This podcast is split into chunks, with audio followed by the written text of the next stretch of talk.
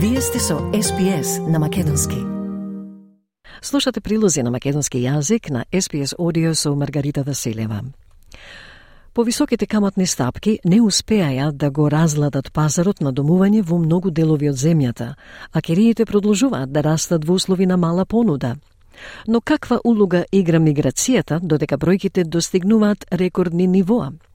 Новата анализа од групата за истражување на имотот CoLogic вели дека постои неискористен потенцијал до кој земјата може да пристапи со растечката популација на Австралија. Од прилогот на Rayan Tamer и SPS Mandarin.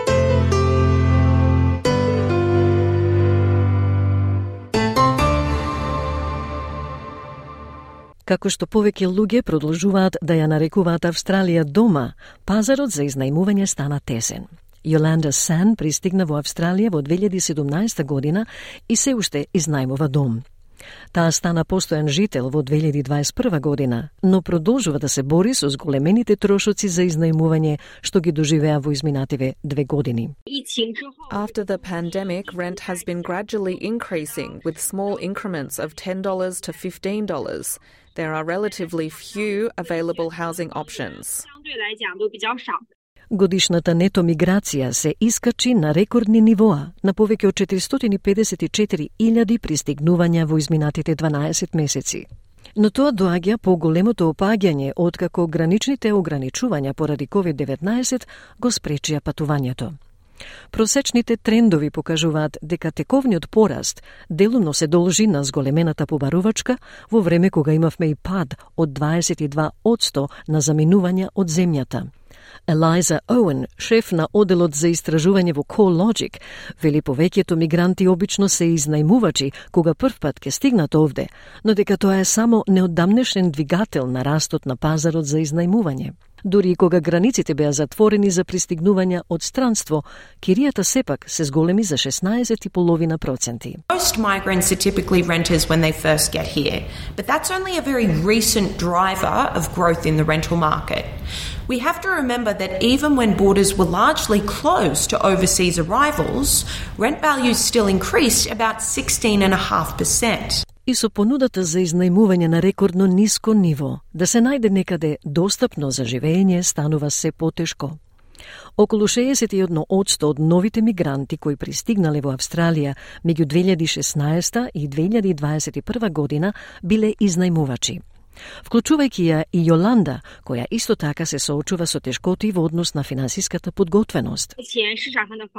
Currently, there aren't many properties available in the market, and I also face some difficulties in terms of financial preparedness. Додека краткорочната миграција изврши притисок врз трошоците за домување, господјата Оуен вели дека миграција со стратегија всушност може да биде решение за проблемот за домување.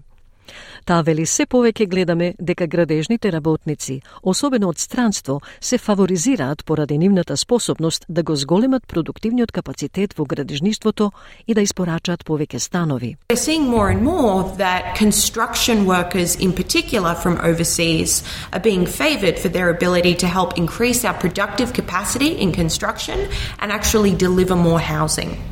Пиуш Тивари, професор по имот на Универзитетот во Мелбурн, вели миграцијата не е гјаволот кој што се обидуваме да го скротиме. Поголемиот гјавол, вели тој, е недостатокот на снабдување и на понуда, кои може да се решат само преку структурни реформи, како во процесот на планирање или промена на густината во градот. Migration is not necessarily the uh, kind of devil that we are trying to uh, tame at the moment. The bigger devil is the lack of supply. And the lack of supply can only be addressed through some structural uh, reforms, like in the planning process or in changing the densities in the city or Бидејќи миграцијата представува можност за економски раст, истражувачите велат дека миграцијските цели, наместо ограничувањата, би можеле да и помогнат на Австралија да го реализира потенцијалот на незиното растечко население.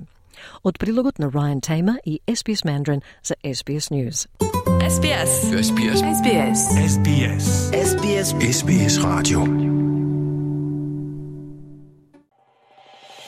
Сакате ли да чуете повеќе прилози како овој?